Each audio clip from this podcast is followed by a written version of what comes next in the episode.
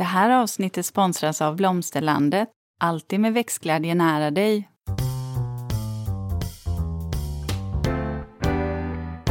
Välkommen till Ulrika och Lindas trädgårdspodd. Och det är jag som är Linda Kjellén, trädgårdsmästare. Och det är jag som är Ulrika Levin, trädgårdsdesigner.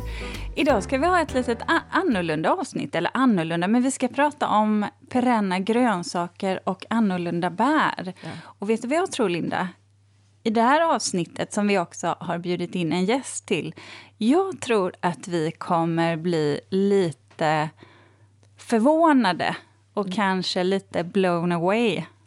Ja, jag är redan förvånad för jag är, innan så jag, vi har ju läst in oss lite på olika, eh, olika perenner som eh, faktiskt är eh, eh ätbara. Och det var ju lite förvånande att faktiskt eh, eh, hitta den informationen. Ja, för det ska inte bara handla om eh, perenna, det vill säga fleråriga grönsaker som till exempel sparris, utan sådant som vi faktiskt odlar som prydnadsväxter mm. i våra trädgårdar.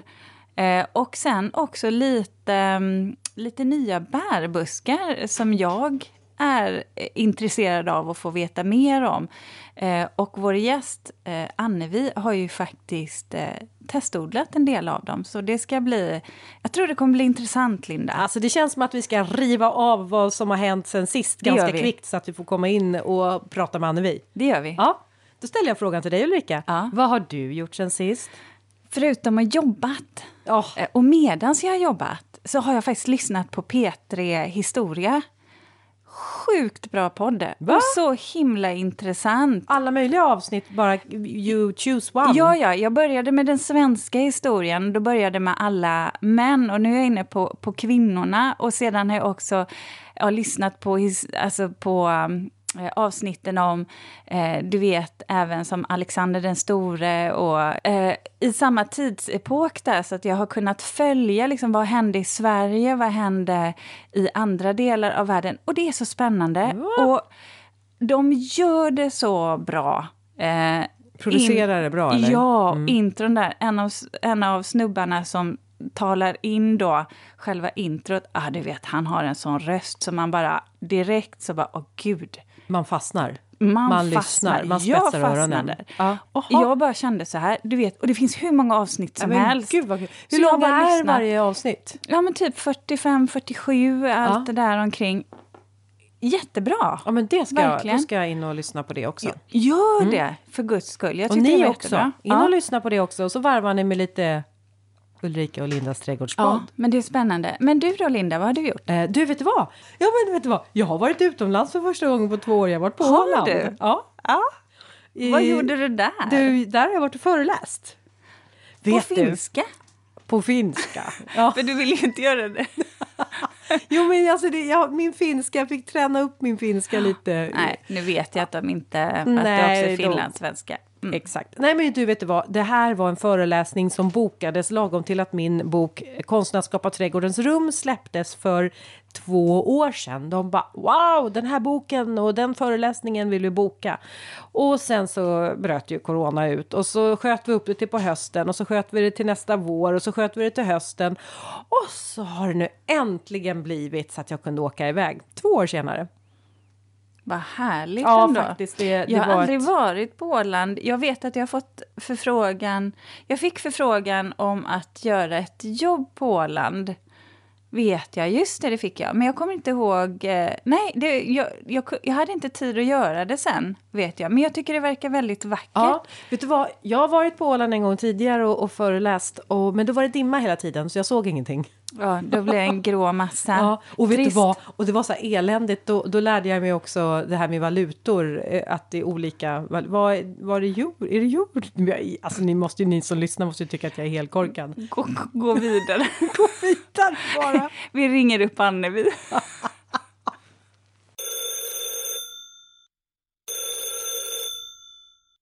Då säger jag hej och välkommen till Annevi Sjöberg, eh, miljövetare, miljöingenjör, lärare och författare. Eh, och du odlar också perenna grödor på Stjärnsund. Välkommen till programmet, Annevi. Tack så mycket. Jag vill börja med att ställa frågan om du kan definiera vad en perenn grönsak är? Ja, Ehm, vi har väl gjort någon liten egen definition utifrån vad vi, den litteratur som finns kring det här. Ehm, och vi skulle säga att det är en, en växt som producerar ätbara grönsaksdelar och som lever i minst tre år. Så det kan vara så att, ehm, att man kan äta allting på växten. Rötter och frön och blad och skälk och blommor. Eller så kan det vara så att man bara kan äta till exempel skotten på våren som till exempel med sparris. Ehm, och eh, sen kan det vara så att det, att det är växter som lever kanske bara i tre år men som frösår så ymnigt så de kan finnas på samma plats ganska länge ändå. Ehm, och det kan vara vårsköna till exempel, den lever inte jättelänge men kan ändå hålla sitt bestånd. Så. Ehm, och sen kan det vara andra fleråriga grönsaker eller växter då, som, man, som lever, kan leva upp i hundra år eller ännu mer. Som till exempel uh, sparrisplantor finns det exempel på som har blivit ja, men, över hundra år gamla. Wow. och även, även lind som visserligen är ett träd men bladen är väldigt fina att äta mm. under en kort period på våren. Och de kan ju bli väldigt gamla. Men eh, om man, ja, om man tänker så här då, vad, varför ska man odla perenna grönsaker? Vilka är fördelarna med det? Ja, Ehm, det finns väldigt många fördelar. Men om man ska tratta ner det till några få som är viktiga, eh, som kanske kan uppmuntra många att, att eh, börja odla fler grönsaker så skulle jag säga att eh, en av de sakerna är att det förlänger skördesäsongen. Så om man odlar ettåriga grönsaker så kanske man inte får, det beror på vart i landet man befinner sig, men då kanske man inte får någon skörd förrän i, ja, men i juli kanske om man har ett växthus kan man få lite tidigare och så är det en ganska kort säsong här i Sverige. Men odlar man också eh, flera grönsaker så kan det vara så att vissa växter eh, kommer upp precis efter snösmältningen. Eh, och det kan vara olika lökväxter eller eh, eh spenatskräppa till exempel eh, och lite andra.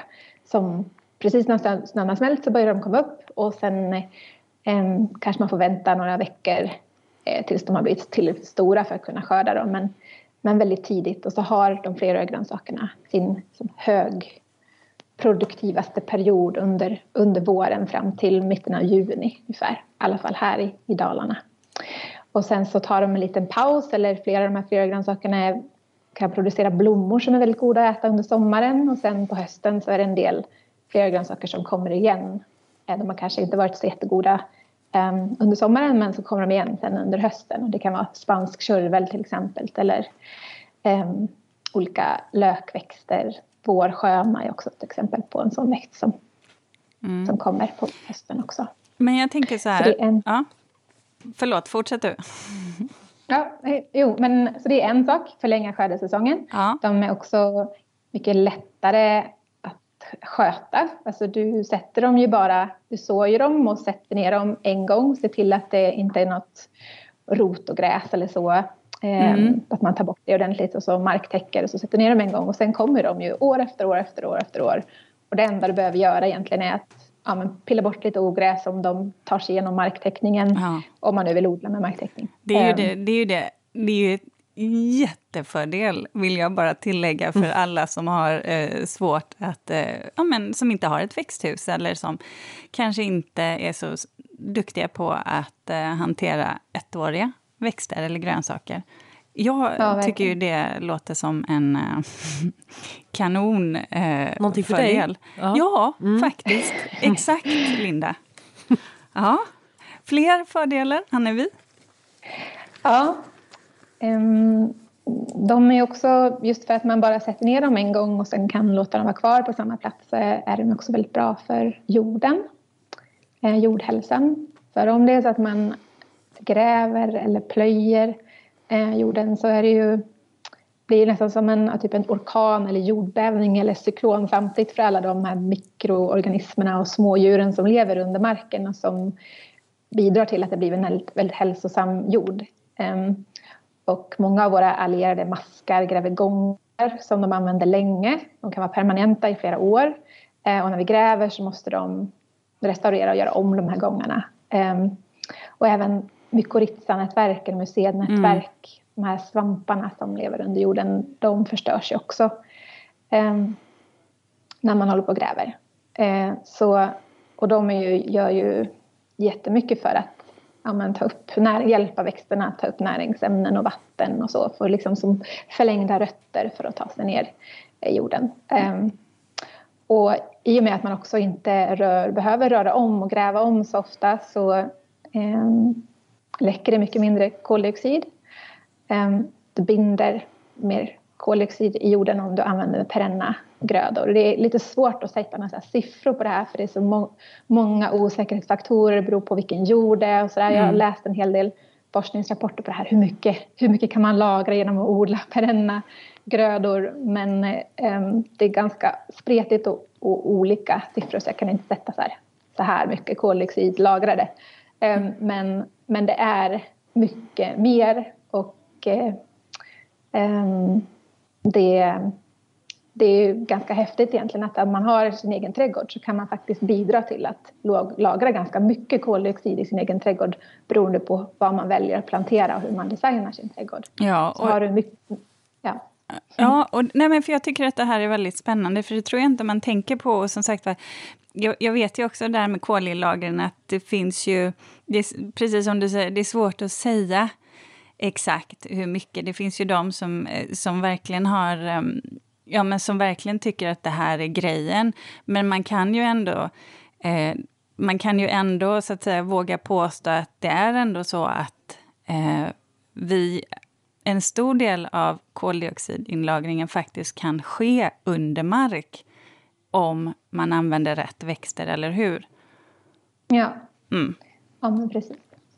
Mm. Så olika nivåer av perenna, perenna grödor eller perenna växter är ju, eh, lagrar ju mer koldioxid. Och framförallt alltså att det inte läcker också från marken som det gör om man, om man plöjer och rör om i jorden. Så. Ja, och jorden är bar. Mm.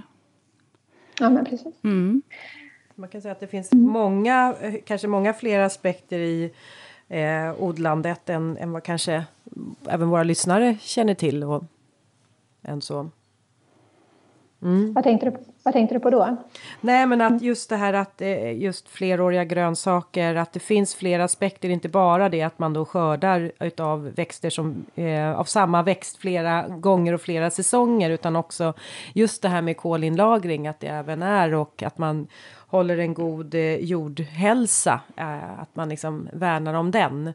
Att det finns mm. ett, ett vänligare sätt kanske att odla ätbart på än, eh, än eh, bara att liksom jobba med eh, ettåriga grödor. Ja, men precis. Och jag vet att det, det är någonting som man också från eh, myndighetshåll håller på att titta på nu, gör utredningar eh, och vill få med mera perenna odlingssystem just för att den har den här fördelen med kolinlagring. Ja. Ju mindre vi rör om i jorden. Så det är någonting som man faktiskt, ja, men, mm. både i trädgården men också som en strategi. Från... Mm. Ja, jag säger bara heja forskningen. Ja, mm. ja. ja verkligen. Men du, eh, jag tänker så här då, om man nu som lyssnare då är intresserad av att odla fleråriga grönsaker. Du som har testat nu, eh, vilka växter tycker du är intressanta? Och varför? Ja, ja men det finns ju... Jag har, jag har jättemånga favoriter så det, har varit väldigt, väldigt svårt för mig att alltid när jag får förfrågan om att föreläsa. Okej, okay, vilka ska jag välja?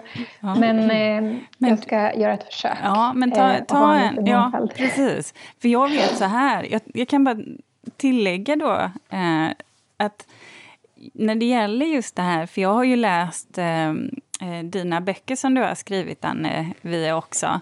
Eh, och just om det här med perenna eh, grönsaker. Och jag blev ju lite förvånad för att det är ju många vanliga perenner som jag som trädgårdsdesigner använder mig av i mina rabatter som man faktiskt kan äta. Men då blev jag på en gång så här, men nej men vänta nu.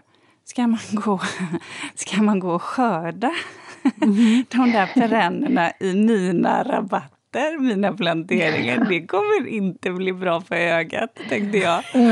Eh, så jag tänker så här, det finns ju det finns ju en aspekt utifrån det perspektivet. Samtidigt så insåg jag att ja, det finns ju ganska många växter som, var, som jag inte kände till, som man kunde äta och som var fleråriga som var riktigt snygga. Som jag faktiskt ska använda mig av eh, lite mer, tänkte jag. Och en del blev jag ju bara helt eh, jätteförvånad över att man ens kunde tänka sig att äta dem. Det var som en helt ny värld öppnade sig. Så att jag tänker så här, Annevi, du får dra några av dina favoriter och sen så kan det vara så att Linda och jag slänger in eh, mm. någon växt som vi blev intresserade av. Mm. Mm. Ja, men jättebra. Ni får stoppa mig sen också då. Ja. Eh, ja, drar ut. Um, ja, men om man ska ge några exempel på det som du sa där som vanliga trädgårdsväxter så är ju funka eller dagfunka en sån växt som väldigt många har i trädgården. Som är, finns ju väldigt många olika sorter och de är ju väldigt vackra ofta. Mm. Ehm, prydnadsväxter. Och eh, när de har etablerat sig efter så här, tre år någonting, man får tänka ungefär likadant som när man ska odla sparris. Eh, då har de väldigt djupa rötter och eh, klarar att man skördar dem Eh, och så kommer de upp igen. Och man kan faktiskt skörda dem flera gånger på en säsong också om man har en, en väl etablerad planta. Men då, vadå, då, din... då skördar du de första skotten som kommer upp, den här lilla spiral, eller som kommer upp, eh, eller? Är det det du tar? Eller ja. tar du stora blad? Eller? Precis, och det, till skillnad från sparris då som man bara tar skotten på så kan man, det är, det är liksom vårprimören är de här skotten som kommer upp. Så det skördar jag först. Och sen när den har vuxit upp så kan man också använda bladen och använda som när det finns en storbladiga funker så kan man eh, istället för vin, alltså som vi, man gör vindolmar så kan man ju ta de stora bladen och, och linda in mat i. Då får man ju otroligt vacker så här, ådring i oftast så att det blir väldigt mm. snyggt. Man kan imponera på. Jaha, ja gud, blir, vi blir imponerade bara av att höra att du berättar om det. Ja. Okej, okay. ja. Ja. Um, ja, och även blommorna det är ju lite olika på olika arter vilka som är goda och inte. Bland annat afrodite är en sån sort som har väldigt goda söta blommor um, som man kan dekorera en sallad med eller så. Jaha, mm. även blommorna? Mm. Okej. Okay. Men är det alla typer av funkior skulle du vilja säga eller är det någon som man inte ska äta? Alla går att äta, sen är de olika goda. Så det finns eh, några som som vi vet är goda som till exempel ja, men Elegans och Blue Umbrella och Big, mm. Daddy, Big Daddy. Ja, ja. Det är några sådana. Snygga sorter också ja. vill jag bara eh, poängtera. Några av mina mm. favoritsorter när det gäller funkior faktiskt. Ja, okej. Okay. okay. Mm. Ja. Eh, jag har en som jag gärna eh, skulle vilja fråga om. Och det är eh, till exempel strutbräken. Åh, oh, men den har jag också här! Ja. Ja! För den, den, hade jag ju ingen aning om man kunde äta. När och hur äter man ja, den? Ja, för jag reagerar ju på att strutbräken, de har ju också så här mycket, eh, de sprider ju sig med, vad heter det, sporer som sitter under. Hur blir det där? Alltså, blir de inte, alltså, jag vet inte, jag ser inte att den är aptitlig. Nej, har ni, har ni smakat den? Nej. Nej. Nej, okay. Nej, inte alls. Nej. Um, ja, men den är, den är jättegod tycker jag. Alltså det, jag tycker det är konstigt att det bara är sparris som har blivit någon grönsak som har tagit sig till matvarubutiken av alla de här vårprimörerna. För ja, men både eh, dagfunke och funke och sen här strutbräken då är ju um, sådana som man kan skörda. Och strutbräken kan man bara äta eh, skottet på våren ungefär när den är sådär 10 centimeter lång. Lite längre kan det vara. Men de får ju ganska många skott också på en planta så där kanske man vågar också se på mer och skörda dem. Ja, precis. Jag har faktiskt bara skörd, vågat skörda en, alltså alla skotten en gång så, och sen kommer det igen. Men jag tror att man skulle kunna skörda fler gånger per säsong också om man vill. Men Vad det, gör du av den det, då? Ja, um, den, den brukar jag bara också tillaga som sparris. Men sen så brukar jag faktiskt gå ut i det vilda och plocka en hel del. Jag har inte jättestora bestånd i min egen trädgård. Så. Eh, och då eh, brukar jag frysa in den, förvälla den och frysa in den och sen har, den, har jag den, tar fram den och gör en risotto på till exempel.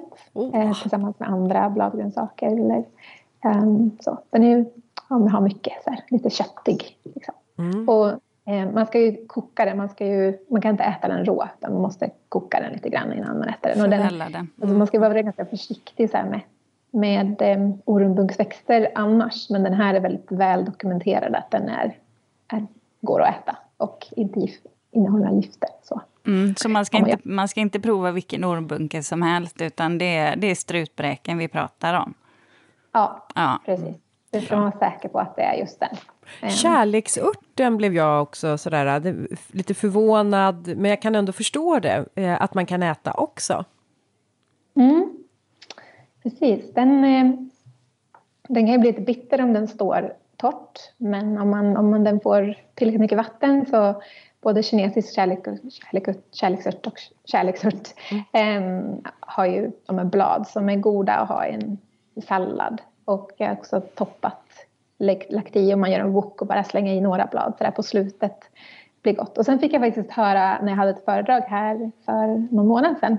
Någon annan som hade smakat eh, innan, för blommorna är inte så goda, men innan blommorna slår ut så ska det tydligen vara jättegott att äta som knopparna, som broccoli. Så det är jag lite nyfiken på. Men det oh, kan jag inte garantera då att det som broccoli, är gott. Men mm. Rå, rådjuren, gillar, ja. Ja. rådjuren gillar ju dem så att jag mm. tänker så här, ja de kanske inte har fel. Nej. Men Nej. kan bladen vara lite som spenat, tänker man, eller? Nej, Nej. skulle jag inte säga. Eftersom de är, lite, de är fetbladsväxter ja. så det... Jag skulle inte använda det som spenat, men, men som en blandsallad. Och det, det är spännande med flera grönsaker för att um, sallader, om man gör sallader med olika bladgrönt av perenner så blir de godare ju fler ingredienser man har. För då får du ju en lite mer komplex smak med ja, med vissa som kanske har någon liten bitter ton och någon ja, kärleksört som har en lite köttigare textur och sen andra bladgrönsaker. Så, här. så eh, vissa växter som kanske inte är supergoda för sig själva men om du blandar dem med de andra så blir det jättefina sallader och särskilt om man lägger lite blommor ovanpå också så men, det är verkligen Förlåt, jag bara, jag bara får den här bilden framför mig. Du vet, jag har så många av de här växterna så att i sommar, jag lovar, jag ska ta fram dem. Jag ska ställa fram det på bordet och så kommer de, resten av familjen bara fråga va? Ska vi äta det här? Ja, det ska vi göra. Ja, mm. då kommer de säga, mamma du har blivit så konstig sen du började podda med Linda. Ja, ja. precis. Ja. Ja. Har, har, du någon sån där vanlig trädgårdsväxt, eh, Annevi, som du tycker att oh, den här är helt fantastisk? Um, vanlig trädgårdsväxt? Ja, men hässleklocka tycker jag väldigt mycket om. Alla mm. blåklockor går att äta. Um, och den hässleklockan är ju den största av de alla blåklockor som vi har i Sverige. Och den blir ganska hög och den är väldigt vacker och de blommorna är fantastiskt goda. Och det, det här med blommor har jag sagt flera gånger nu men mm. man ska verkligen äta mer blommor för blommor innehåller jättemycket eh, antioxidanter och vitaminer och även mineraler som hög koncentration av det och särskilt om de är um, ja, men i blåa toner, rödblåa toner så, så innehåller de ofta höga halter av antocyaniner som är antioxidanter som är väldigt nyttiga för oss. Ehm, men hässleklockan är god som att dekorera sallader med och så. Och sen så de unga bladen kan man också äta på hässleklocka. Så det är väl en sån. Eh, någon, eh, någonting som min man brukar bjuda på här på vårkanten det är eh, humleskott. Mm. Just det. Och det, Hur brukar ni laga? Ja, vi fräser på det med vitlök och sådär lite, mm, ja, men som en förrätt eh, innan maten. Och sen, för han är ju då ölbryggare så att han eh, har ju det här som tilltugg och så tar vi en god kall öl till det här lite före maten. Alltså riktigt gott sådär nötigt och ja, mm. det är sparris typ. Ja. Mm. Ja men det är jättebra och man ska ju, odlar man humle kommersiellt så ska man ju eller om man odlar humle ja, för, för att få bra kottar så ja. ska man ju ta bort några. Exakt, och det är de vi äter upp. Ja, gallrar dem. Just det. Mm. En, an, en annan vanlig växt som jag vet att du har nämnt eh, innan, Linda, så, eh, att den är ätlig, det är faktiskt dagliljan. Men vad äter man på den? Är det blommorna? Eller? Ja, men det är blommorna och eh, blomknopparna som man äter på den. Och jag gjorde faktiskt en eh, en eh, fermentering. Jag mjölksyrade mm -hmm. blomknoppar av daglilja och svartrot knoppar av svartrot som jag också kommer att prata om snart, om jag hinner. Jajamän, du hinner. Eh, du hinner. Och så omogna svarta vinbär. Så Ja, du tog den gröna. Stoppade dem Ja. i burk med mjölksyra. Det blev supergott att ha Ja, tilltugg gud. till- Vad hade du? Ja, Vad gjorde de omogna svarta vinbärna till det hela? Jag som inte har hållit på så mycket med fermentering. Ja, så jag hade dem i, eh, i fermenteringen. Så att bara en saltlag och sen så låta det stå. Hur eh, blir i de då? Blir de som kapris höll jag på att säga. Men, Ja. eller? Ja. Ja, men precis. Som eh, mjölk, med mjölksyresmak. Så. Ja. Kapris. åh, Mm. det tyckte jag var ett jättebra tips. Ja. Ja, ja, Det får ni prova. ja. ja verkligen. Jag, jag tror jag måste lyssna om på det här avsnittet känner jag redan nu. Vi har bara kommit halvvägs. Så är det. Men du ville komma in på svartroten. Ska vi inte göra det nu då när vi ändå äh, pratar om den? Ja, jo, men den tror jag att jag måste prata om. För den, jag tror att det är min mest, den absolut mest användbara växten av de som jag har. Eller som jag har ätit mest av. För svartroten är ju känd för sin som ettårig grönsak och för de här svarta avlånga rötterna som, som man kan köpa i butik också när de är i säsong. Ehm, Men om man låter roten vara kvar i jorden och bara äter bladen så så eh, är de en jättegod salladsväxt. De är som under ungefär en och en halv, två månader på våren så är de min huvudsakliga salladsingrediens. De smakar precis som vanlig sallad. Väldigt mild och krispig och, och god. Så man behöver verkligen ingen behöver verkligen inte gå till butiken och köpa sallad när man odlar den. För den smakar precis som det ska. Ja, vad smart. Eh, Men sen även Mm. roten. Ät, äter du den också eller? Vad? Nej?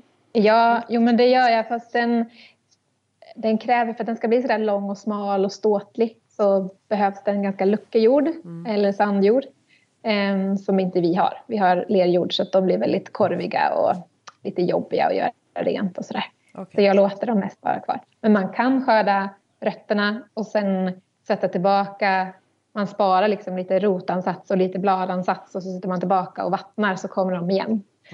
Eh, ofta, inte alltid, men vattnar man ordentligt så, så kan de göra det. Man kan äta kakan och ha den kvar. Ja, jag tänkte säga Ja. det, var fantastiskt. Man äter i princip upp alltihop och sen så skräpet, det man hade kallat för skräp, det sätter sätter man man ner igen. Tack ska Det är ha. fantastiskt, låter som en sån här tecknad film. Du vet, helt plötsligt har det bara ploppat upp en ny svartrot.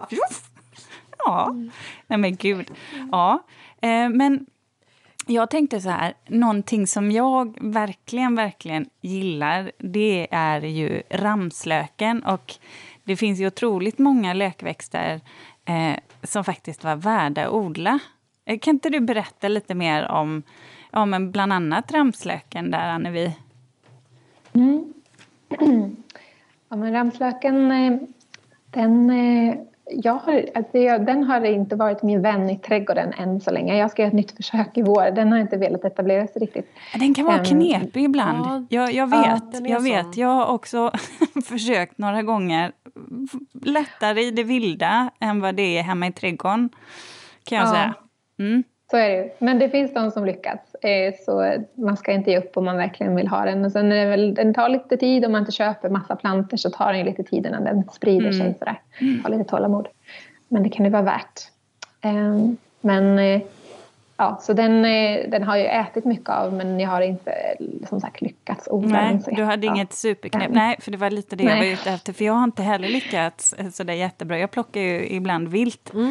Eh, och det är ju jätte, jätte, jättegott faktiskt.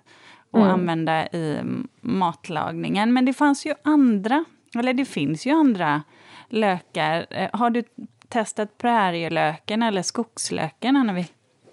Ja, men båda de har jag odlat. Eh, De är väldigt goda. Men jag tror jag ska säga att den som jag använder mest är piplök. Ja. Ehm, och den, om man odlar den ganska tätt, den är ganska häftig också. Om man tänker som en kommersiell gröda utanför trädgården så finns det en grönsaksodlare i Järna som odlar den på så långa och grönsaksbäddar. Och han skördar sju gånger på en säsong av den. Så den kan ge otroliga mängder från en och samma yta. Och då att jämföra med om man ska ha salladslök eller så Mm. på samma yta kan man bara kanske skörda två gånger. Eller? Sju gånger, det är ju galet mycket. Men vad, vad för fråga, är det blasten han skördar då eller är det Ja. för inte själva löken? För det känns ju som ett trolleri i sådana fall. Ja, ja men det, ja det är du, du blasten. planterar tillbaka den sju gånger också. Ja. Ja. Men det är blasten som man äter Mm. så det blir ju ungefär som, som gräslök, en mild, lite mildare form av gräslök som är Ja. ja, men mycket bredare också. Ja. Luftlöken då, vad tycker du om den? Ja, men den har jag också odlat en del men eh, Ja. ja, den är också en sån här som inte trivs jättebra. Den överlever hos mig men det blir inga jättestora mängder, jag har inte satsat på det så mycket. Ja. Kantlökar däremot har jag stora bestånd av så det äter jag och eh, odlar mycket av. Ja, för luft, kantlökar luftlök den planterade jag här hemma och den, i en av mina pallkragar. Och gisses vad den trivdes. Så att den tog ju ja. över allt. Så att jag, det, det slutade med att jag var ganska irriterad på den här luftlöken. Och då var jag väl inte så snäll för jag blev irriterad och så grävde jag upp den och så frågade jag min mamma. Du mamma, vill du ha lite luftlök? Det kändes som att eh, ja, man kanske inte ska ge bort sånt där man är irriterad på för att det, det kanske är sånt som sprider sig ohämmat så att man kanske ska vara lite försiktig när man ger bort sånt. Nej, men här, här funkar den. Jag tyckte väl den var lite för bitter i sin smak. Jag tyckte nog inte riktigt att den... Nej, jag, jag, det var en väldigt stark eftersmak på den där som jag hade svårt för, själva lökarna. Men det kanske är blasten snarare man skulle ha odlat eller skördat. Ja, jag tror det mest blasten just för att lökarna blir ganska små också. Ja. Lite jobbigt att odla. Jag tycker om just prärielöken och skogslöken för att jag tycker att de är vackra. Mm. Faktiskt. Du äter Ja, med ögonen. Ja, men lite så. Ja, men det är de ju verkligen. Superfina. Men du hade något annat Ehm, förslag där. ja. Du började Ja. berätta om något. Ja. Ehm, ja, men ostron, eh, ostronört, har ni hört talas om den? Aldrig. Nej. Nej. Den är, ni, som, om ni tycker om vackra växter så tycker jag verkligen ni ska kolla upp Ja, den. ni För nickar den, både jag och Ulrika här. Mm. Ja, Ja. precis. Ostroner. Ja, och så tar fram pennan här nu också. Ostronört. Ja. Ja, den, eh, den växer ju i eh, vilt i Sverige fast det är väldigt sparsamt och den är rödlistad och starkt hotad här. Ehm, och till skillnad från de allra flesta andra såna grönsaker så eh, tål den inte för varmt. Så den finns, den finns på Grönland och den finns eh, ja, i kallare områden och intill, intill eh, kust, alltså längs kustområden och så. Ehm, och den, om den trivs, och den trivs bäst också då i sand, sandiga jordar, men vi odlar den också här i lerjord även om den inte blir lika ståtlig och stor och sprider sig lika mycket.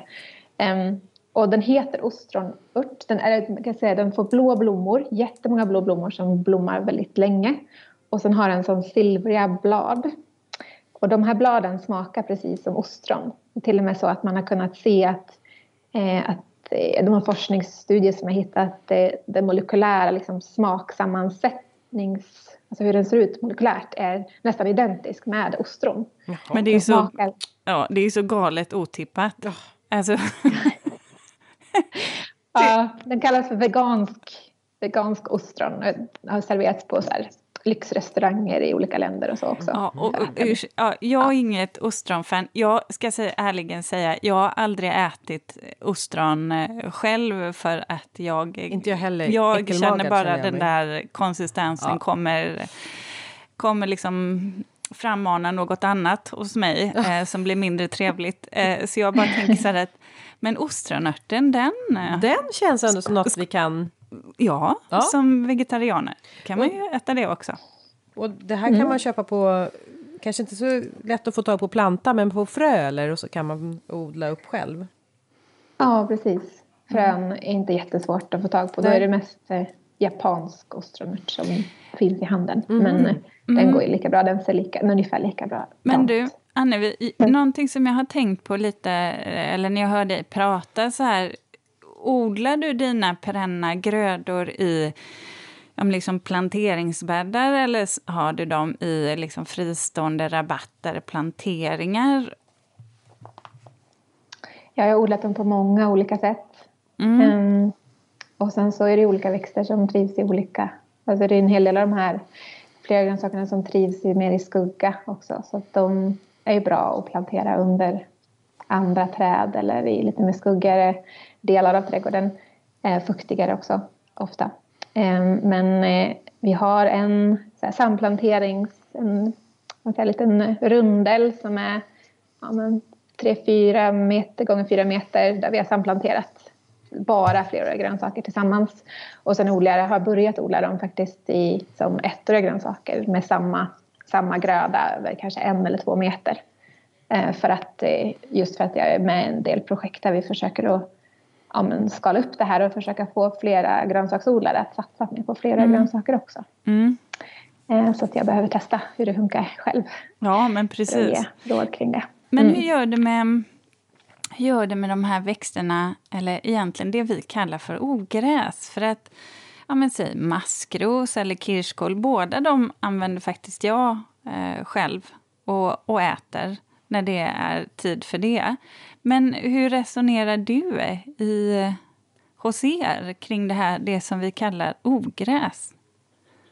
Ja, nej men eh, har man kirskål så eh, är det bäst att bara äta upp den, hålla den nere så mycket som möjligt. Eller hur? Eftersom den är invasiv och den innehåller ju jättemycket näringsämnen också. Eh, det, jag skulle aldrig säga att man ska plantera in kirskål om man inte har, redan har den Nej. jag tänkte det var ganska jobbigt. Där är vi ehm, eniga. Ja, fast jag, ja. jag har ju faktiskt planterat vitbrokbladig kirskål. Och den, ja. Eh, men den är lite svårflörtad att få igång. Inte ens i det mest tuffa -huh. läget så ville den riktigt gasa på sig, vilket jag trodde. Okej, okay, jag har föreläst, den har inte jag odlat faktiskt, men jag, rent teoretiskt har jag sagt när vi har pratat och varit ute och föreläst så har jag sagt att ja, men den här ska vara mycket lättare. Mm. Eh, eller inte lättare att odla, men den ska inte vara lika invasiv. Men sen så var det någon i Blekinge någonstans som sa att räckte upp handen och sa att den är hemsk, den sprider sig jättemycket hos mig. Ja, ja det finns ju alltid vart ja. Men, men jag har ju kirskål i min trädgård och den, det, det härjar ganska friskt på vissa platser. Och inte långt bort ifrån de platserna så har jag då planterat ner den här vitbrokbladiga, för här är en plats som ingenting annat riktigt vill ta fäste vid. Myskmadra och den vitbrokbladiga kirskålen. Myskmadran har tagit sig, men inte den vitbrokbladiga kirskålen. Så att det, jag, ja, jag, jag vill nog ändå hålla fast vid att den inte är inte så invasiv som den, eh, den gröna kirskålen. Mm. Nej, Nej men så är det nog. Mm. Men den är god. Mm. Den är god att använda sig utav. Ja, men... och brännässla. Ja, oh, ja. Det, det odlar vi ju. Ja, vi odlar den faktiskt. För att den, den är så outstanding på så många sätt. Ja, men det är den faktiskt näringsmässigt. Eh, mm. God smak och man kan ju också använda den till sitt eget gödsel. Ja. Det är ju mycket kväve i den va? Mycket kväve och den, av alla flera grönsaker vi har hittat näringsvärden på så slår ju den i taket. Eh, mineral och vitamin. Hur var det, stämde det? Jag tyckte jag läste mig till i din bok att någonting med att eh, många av de fleråriga växterna har ju utvecklat ett gift för att liksom försvara sig. Eh, stämmer mm. det? Och att det i sin tur kan vara det som också är liksom både smaken och Eh, det är det också som kanske det man vill åt när man, när man äter. Eller hur uppfattar jag det där rätt? Jag, jag minns inte riktigt, men... Just det, jo men vissa, vissa växter som till exempel lungrot eller goda henriksmolla har inne, innehåller saponiner som, som är ett ämne som vi inte ska äta så mycket av. Eh, men det går att koka bort eller tillaga bort så försvinner det. Och sen så är det oxalsyra är någonting man ska vara lite försiktig med som finns i rabarber men också i många syrliga växterna. Ja, men fjällsyra är en, mm. en spenatskräppa och, och så. Um, men sen så finns det också um, så det kan, de här saponinerna till exempel har väldigt bitter, det är en bitter smak. Um, men det finns också ämnen som har en bitter smak som faktiskt är antioxidanter. Så, så vilda växter har kan ha lite bitter ton och det kan vara försvar eh, mot att bli angripna. Men det är också så att, eh, att de kan vara väldigt nyttiga för oss. Och vi, vi har ju tappat det där lite med bittert. Vi ska gärna förädla fram sånt som har så söta smaker som möjligt. Men då är det ofta på bekostnad också av näringssammansättningen. Mm. Så det, vi har gjort ett sådär, det finns ju inte näringsvärden på alla de här växterna dokumenterade eller vetenskapligt sånt förankrade egentligen. Men vi har gjort ett projekt förra året, ett internationellt projekt där vi tittar på 12 olika flera grönsaker. Och alla av dem har ju i den här studien, och det är så himla komplicerat här, det är så många faktorer som påverkar, men i den här studien så har ju alla de vi testade var höga på någonting, om det var zink eller kalcium eller järn eller C-vitamin eller så. Eh, och många var höga på järn. Och järn är särskilt intressant tycker jag för att ja. en tredjedel av alla kvinnor i Sverige har ju järnbrist. Precis. Jag är en av dem. Mm, jag med. Ja, jag, jag får äta tabletter. Ja. ja, du också. Ja. Jajamän. Mm. Och det, det, är ju egentligen det här, och framförallt om man inte vill äta så mycket animaliska, alltså ja, men kött och så vidare, så är ju det där järnet mm. väldigt viktigt. Var det lättillgängligt järn, eller kom man så långt så att den... Nej, så det är ju det, att det är ganska bundet. Men ja. Eh, om man mjölksyrar dem så blir de mer lättillgängliga. Mm. Så det är ett sätt man kan göra det på. Mm. Um, men det, så är det ju de är inte lika lättillgängliga som när det, man äter andra. Nej, men ja, så är det ju. Nej, mm. precis. Så är det ju. Um, man kan inte äta en hel hage vid varje måltid heller, som en av mina kompisar sa. Nej. Det är som hagen. Det är Ulrika och Smulan och Randis och Samba. Mm. precis, precis. Grovfoder. Ja. ja. Men du, eh, Annevi, jag tänkte på, du använder ju eh, begreppet polykultur. Mm. Kan du förklara på det och eh, kanske komma in på hur man ska tänka när man bygger sin egen polykultur? Ja, men det kan definieras lite som en, som en slags medveten samplantering av växter som, som kompletterar varandra i, kan vara i form och funktion och inom ett begränsat område. I motsatsen um, monokultur då eller? Ja, eller? motsats skulle jag kanske inte kunna säga. Ja, jo, ja. Eh, ja, jo men så kanske man kan säga mm. faktiskt. Ja. jag hade tänkt på det riktigt så, Nej. men så är det nog. Um, så om en polykultur handlar liksom om att, att uh, olika arter de interagerar på massa olika sätt om de växer intill varandra. Uh, de kan vara gynnsamma för varandra, de kan konkurrera. Um, Eh, eller så har de neutral effekt på varandra. Eller så gör de allt samtidigt men med olika, olika saker. Så man kanske konkurrerar om ljus men de kanske samarbetar med eh, ja, eh, näringstillförsel eller näringsdistribution eller vad det nu kan vara för någonting. Så eh, man kan gå in i detaljer kring det här och verkligen vara supernoggrann med att försöka hitta någon någon mineralsamlare till exempel som har djupa rötter som kan ta upp näringsämnen långt från djupare jordlager eh, och sätta dem tillsammans med eh, näring, så här, kvävefixerande växter som vi varit inne på med knölvial eh, som eh, tillsammans med eh, bakterier på rötterna eh, kan binda luftet, luftens kväve eh, och gynnas själva men också delge andra växter in till så här, mm. näring. Um, och vara väldigt så här, så. Men det som jag tycker, min erfarenhet och så det som jag ta med mig när det gäller polykulturer är det framför allt, och det viktigaste att tänka på är just att, att eh, ja, men hur, de, hur de ser ut både under och över jord, framförallt över jord, hur de växer, hur stora de blir så att de inte konkurrerar med varandra. Eh, och också så att man inte sätter svaga växter då intill lite mer dominanta. Det blir svårt att skörda. Att man också sätter lite kluster. Att man inte har bara en växt utan några växter av samma art intill varandra.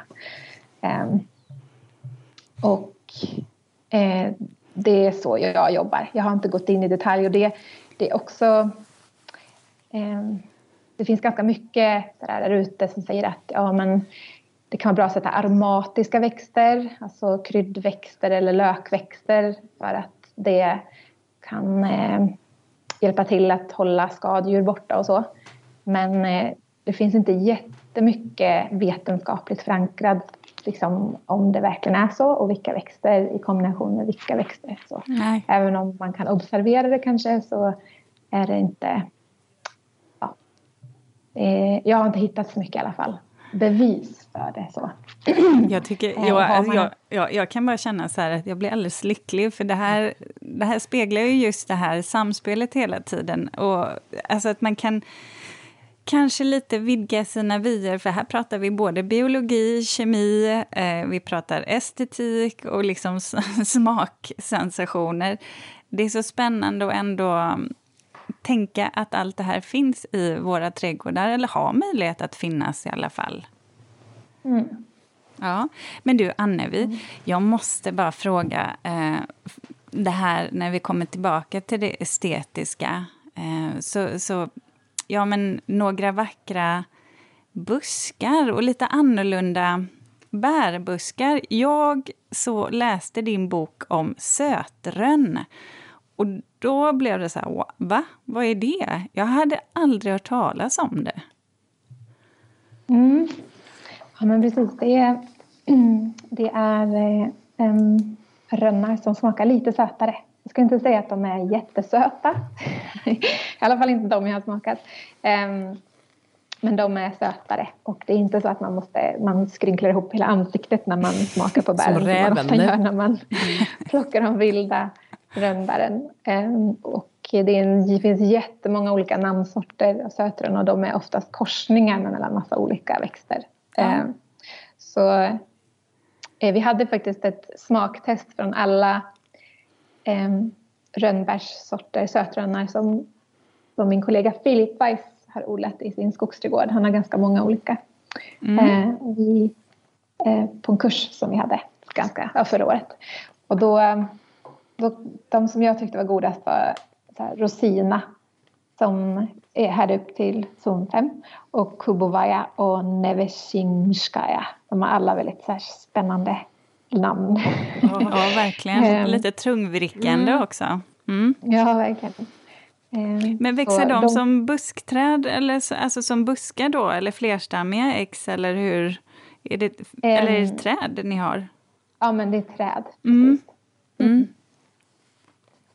Mm. Eh, och de är, alltså det är lite olika hur pass eh, tolerant man är mot de här sura smakerna. Jag tycker de är jättegoda att äta bara som de är. De här sorterna i alla fall. Eh, men sen så kan man också göra fruktläder av dem. Mm, så ja, liksom sådana där remmar eller vadå? Ja, ja, precis. Och särskilt, jag brukar blanda det med äppelmos. Mm. För det är ju så att det, man skördar det samtidigt. Så mosa äpplen eh, och så blanda det med, med eh, sötrön och eller aronia som också är en, en växt som är väldigt näringsrik och mm. släkt också med, den. Um, så det är sånt där jättebra. Hur gör man sådana där remmar? Mm. Lite snabbt, hur gör man det? Är det? Ja, det kan man göra. När man, det finns många olika sätt att göra det på men ett enkelt sätt är bara när det gäller de här, just de här sorterna, om man ska blanda dem, är att bara mixa dem och sen så breda ut dem på ett bakplåtspapper. Eh, tunt, kanske så en halv centimeter tjockt kanske. Mm. Och, eller lite mer. Och sen så stoppa in dem i ugnen på 40, max 50 grader och se till så att eh, den fuktiga luften kan komma ut. Så man får sätta in en liten träslev eller något i luckan. Mm. Så fukten kommer ut. Och sen så får det stå där tills det är klart. Och det är klart när man, när man tar upp den och försöker att separera den från pappret så då är det dags att ta ut den. Så kan man ju spara det jättelänge. Det håller sig hur länge som helst. Mm. Och mina barn älskar det där. Det väldigt... Och då blandar du in äppelmos i det också, i den mixen? Jag har gjort. Jag gör massa olika kombinationer. Man, man kan ju ta alla, alla möjliga bär och frukt som man har i trädgården och göra det här med. Då får man ju massa olika vackra färgkombinationer också av fruktläder. Gud så gott. Har du eh, gjort det Ulrika? Aldrig, Nej. men jag är väldigt sugen på att testa, testa. det. Eller rättare sagt, jag tänkte så här. Det här är någonting som min tolvåring skulle tycka var jättekul att göra. Det är typiskt en ja. grej för henne. Du delegerar faktiskt. alltså? Ja, ja, men eh, så jobbar man ju alltid. Det finns bara 24 timmar om dygnet. Ja, du är klok. Ja, ja. Men jag har två buskar till som jag är lite sugen på att, att höra om. Ehm, och det är faktiskt blåbärstry och sen är det silverbuske. Mm. Ehm, um, blåbärstry är ju någonting som små buskar. Eh, det finns lågväxtande och lite hög, mer högväxande men de är oftast inte högre än en och en halv meter. I alla fall inte här. Um, som producerar små blåbär, blåa bär som kan ha väldigt olika form och beroende på vad det är för sort. Um, och de eh, är kul för att det är det första bäret i trädgården. De kommer faktiskt före jordgubbarna hos oss. Eh, så det, ehm, det är inte så, även om de är blåbär och man tänker att det finns mycket blåbär i skogen men de här kommer ju långt innan blåbären är färdiga i skogen och man har dessutom, kan ha dem då ganska nära huset. Eh, och det är inte så att de behöver någon så här surjord eller så utan de är väldigt tåliga, de klarar de allra flesta jordar. Så det, det är bara att sätta ner. Eh, det som behövs är dock att det är minst två olika sorter för att det ska bli bra fruktsättning mm. eller bärsättning. Mm. Eh, och gärna tre olika sorter. Och det, det finns jätte, jättemånga och det är ganska vanligt ute i handeln också. Lätt att få tag på och väldigt näringsrika. Mycket antioxidanter. Så. Mm. Måste vara ganska tidig blomning då också så jag tänker att det bör vara ganska bra för pollinatörer också. Ja men precis, mm. just det. Ja, men man brukar se jättemånga humledrottningar som, som är där och besöker blommorna tidigt på våren. Och mm. blommorna klarar lite... också. De ser lite, lite lustiga ut, bären, tycker jag. Liksom avlånga ja. i sina former som, som trutar. Där. Ja, silverbusken då? Ja, silverbusken är mm, intressant. Den är lite snygg. Ja, snygg också. Ja, mm. mm. ja, ja det, det, finns faktiskt många olika silverbuskar. Eh, men den som vi har odlat här uppe i zon 4-5 och det här är verkligen gränsen för den ska ju helst vara i zon 3. Eh, eller något väldigt, väldigt bra varmare plats i trädgården. Det är den koreanska silverbusken. Eh, och eh, den är en kvävefixerande växt. Som jag nämnde tidigare så är den bra för växter som är intill för att den fixerar kväve och kan dela med sig av det. Eh, och den får det, om, om blåbärstry är det första bäret på våren så brukar silverbusken ge de sista bären eller ungefär samtidigt kanske som rönnbär, eller väldigt sent i alla fall. och de är ganska små men väldigt goda, smakar lite som surkörsbär och man gör sylt på dem så smakar de som eh, hjortronsylt ungefär utan så här knasterheten, mer, lite mer tuggmotstånd. Ah, Okej, då, ska, då skulle jag nog... Har du testat eh, de bären tillsammans med eh, salt? Nej. Nej. Jag, nämligen så, jag har berättat det här tidigare ja, för lyssnarna, du. men just att surkörsbär fick jag lära mig av en av mina kunder som kom från Iran, att eh, de åt surkörsbär med salt. Och Oj. när du sa att det påminde om den smaken så tänkte jag, mm, det skulle man kunna testa. Jag har testat det och det var faktiskt förvånansvärt gott. Det blev en helt annan smaksensation. Vi tänker ju ofta socker eh, till mm. surkörsbär, men eh, ja, Mm. Något att testa. Men hur, eh, hur då? Är det så att man gör en sylt med salt? Eller Nej, man utan bara, på, eller hur? Ja, man bara doppade dem. Man liksom, eh, ja, men precis, man delar ju på dem med tänderna, höll jag på att säga, så doppar man dem i salt, fruktköttet då. Mm. Mm, det var faktiskt väldigt gott. Ja, det var gott alltså. Mm. Ja, som du säger, smaksensationen, ja. oväntad sån. Ja, mm. sen vet ju jag, Annevi, att du har ett, eh, en buske eh, som du gillar och det är ju mullbär. Och då blev jag så här, va? Odlar ni den ända upp i Dalarna? Ja, men precis. Um, ja, men mullbär är, det är min favorit, favoritbär tror jag. Uh, den, den busken som vi odlar hittills och som har fått bär är en sort som heter mulle. Och den går att odla upp till min zon 4, 5. Ja. precis. um, och den kan bli som ett litet träd eller som en buske, Aha. som ett litet Och får jättemycket mycket bär under jättelång tid. Um, söta, jättegoda svarta små bullbär som är inte lika så här supersöta. Du ni vet om man köper så här torkade mullbär mm. på affären så är de ju mm. vita mm. oftast. Och de är ju nästan bara söta i smaken. Mm. Men mullbär har lite syrlighet så att det blir lite mer komplext och godare tycker jag faktiskt än än de här torkade jag håller med. Jag håller med. Jag tycker också ja. att det är ett väldigt gott äh, bär.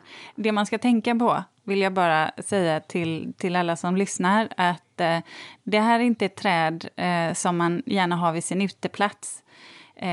för den kan faktiskt färga av sig en hel del när um, mm, bären mm. trillar ner. Så att Bara man inte har det så att det kan eh, sätta lite oönskad färg på en altan så man får hitta en annan plats egentligen för den. Ja, vad bra. Bra tips. Det, ja, det finns ju väldigt många. Det, det är ganska outforskade egentligen mullbären i Sverige och hur härdiga de är. Mm. Så man har testat Precis. en del men man ska vara lite järv och testa lite olika sorter faktiskt. Ja, för att, um, det, det finns åtminstone fyra stycken sorter som har klarat sig här uppe även om inte alla har gett bären och så. Så det finns det jättespännande sorter som ger, som ger um, en Pakistan Chatut heter den. Den får upp till 10 centimeter långa svartlila bär. Blir väldigt, väldigt låg växt. Okay. Men eh, ja, den kanske bara är här i typ zon 1, max 2. Oh, men det är ju spännande. Mm. Ja. Uh, nej men för jag tänker så här, och sen så, så blir det ju ändå ändringar i klimatet. Så att det där med zonerna, uh, precis som du säger, de, man får ta dem lite med en nypa salt. Eh, ja. och, och, faktiskt våga prova sig fram. Och då kan man ju köpa man behöver ju kanske inte köpa, när vi pratar träd och liksom större solitärbuskar, man kanske inte köper de största då, utan man får se hur de etablerar sig på platsen mm. först. Om man känner att man inte riktigt har råd att eh, chansa. Precis, så Och mulle blir ju inte jättestort. Nej, mulle. Ju... Bara det namnet gjorde ju ja, att jag ville ha den. Ja, verkligen. Ja. Annevi, eh, stort tack för all eh, information. Det, jag, kände, jag sa det i början, Linda, vi kommer bli blown away ja. i det här avsnittet tror jag. Det stämmer. Ja. Det var väldigt kul att vara med. Jag ska gå in, gå in och lyssna lite på, jag har inte hunnit än, men på några andra. Du kan lyssna i kapp. Ja, de finns kvar. Ja, ja, ja. Du, det brukar man göra när man är ute och rensar i trädgården och städar ur växthus och så. Då, då brukar vi vara bra sällskap, jag och Ulrika. Ja, ja, ja. ja. Jättebra. Stort tack Annevi. Ja, tack. Ha det bra. Tack själva. Hej. Bra. Hej, hej. då. Hej. Linda, visst är vi stolta över att ha en sponsor till dagens avsnitt? Ja, och det är Blomsterlandet. En trädgårdsbutik nära dig med butiker över hela landet och en e-handel som är öppen dygnet runt. Välkommen! Gisses du, vad mycket kunskap det blev. Alltså det där du sa från början att vi kommer nog bli lite liksom, överraskade och få en sån här aha-upplevelse. Ja, allt stämde. Gud vad jag blev intresserad. Ja, men jag, jag, känner nog lite sådär att ja, då kanske jag får odla vissa perenner i mina odlingslådor istället. För jag jag kände lite man är så himla glad. där känns läskig att börja och... Men jag och... tänker när de har kommit upp så vill jag ju att de ska vara där. Jag vill inte att de försvinner under en tid. Så jag får nog, jag ska klura. Men jag ska definitivt testa detta. Och mulle blev jag väldigt sugen på. Vad namnet mulle. Ja, och faktiskt också silver... Um, Silverbusken. Ja, just det. Mm. Den också. Men du, jag, jag, mm. ska bara koppla tillbaka till det du började med. Om ja. vi, vi går tillbaka till din utlandsvistelse på Åland. För en reflektion som jag hade här i veckan, det var det här... Du vet, det här ordspråket. Jag tänkte på det där. Eh, det finns inget dåligt väder, bara dåliga kläder, apropå dimman där på Åland. Mm. Vilket värdelöst ordspråk. Jag kan garantera att det finns dåligt väder oavsett kläder. Vill jag bara konstatera. Vi lämnar det där. För jag blev lite, jag blev lite nyfiken där. Det där med valutorna. Valutan. Där. Ja, men jag alltså, känner att du måste fortsätta oh, den historien. Ja, men alltså, det här är så tokigt. Jag och siffror. Alltså. Jo, men så här var det. När jag tar båten över, då tänker ja. jag så här. Du vet, det är ju taxfree där. Så jag ja. tänker att jag ska nog köpa mig en liten flaska vin som jag kan ha på rummet sen, på hotellrummet. Eh, så här, ja, när jag kommer fram. Och så vill jag inte köpa en stor flaska, för det var ju bara jag. Så jag vill ha en liten flaska. Och, och sen så tänkte jag att nu måste jag hålla koll på så att det är skruvkork på den här lilla flaskan. Eh, så jag ja, det är praktiskt. Ja, praktiskt när jag inte mm. hade någon. Ja, precis, med mig. Så, så jag väljer, men sen så ah, tänkte jag, jo för det var bara de stora flaskorna som hade skruvkork var det väl. Och jag, nej men jag, nej men jag ska ta den lilla. Eh, men då glömde jag ju bort det där med skruvkorken när jag högg den lilla. Så jag tog en liten flaska och när jag kommer upp på rummet så inser jag, nej vad fasiken, det är ju en vanlig kork på det här. Nej, hur gör jag nu? Hur ska jag ta mig in i denna? Så jag går ner till lobbyn och frågar, har ni någon korkskruv? Nej, vi lånar inte ut sånt, sa de. Jag bara, nej, nu har jag min lilla piccoloflaska där uppe som jag inte kommer in i.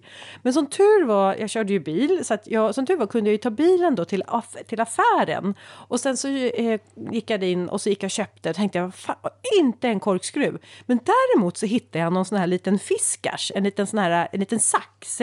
Jag bara, 15 spänn, ja det var ju inte mycket. Så jag går till kassan och betalar för min fiskars.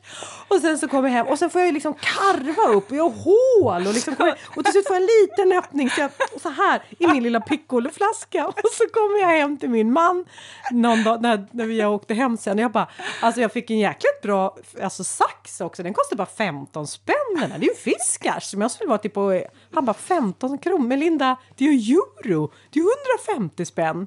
Va? 100? Nej men vad fan, ja det var ju, ja, men gud. Och så när jag berättade då sa han, det hade nog varit bättre om du hade köpt den där stora flaskan med återförslutningsbar kork. Exakt. Nej jag köpte en liten piccolo. Ja. Och, alltid, och sen gick det på att det tog mig väldigt mycket tid och dessutom kostade det mig väldigt mycket pengar. Och vin med kork i.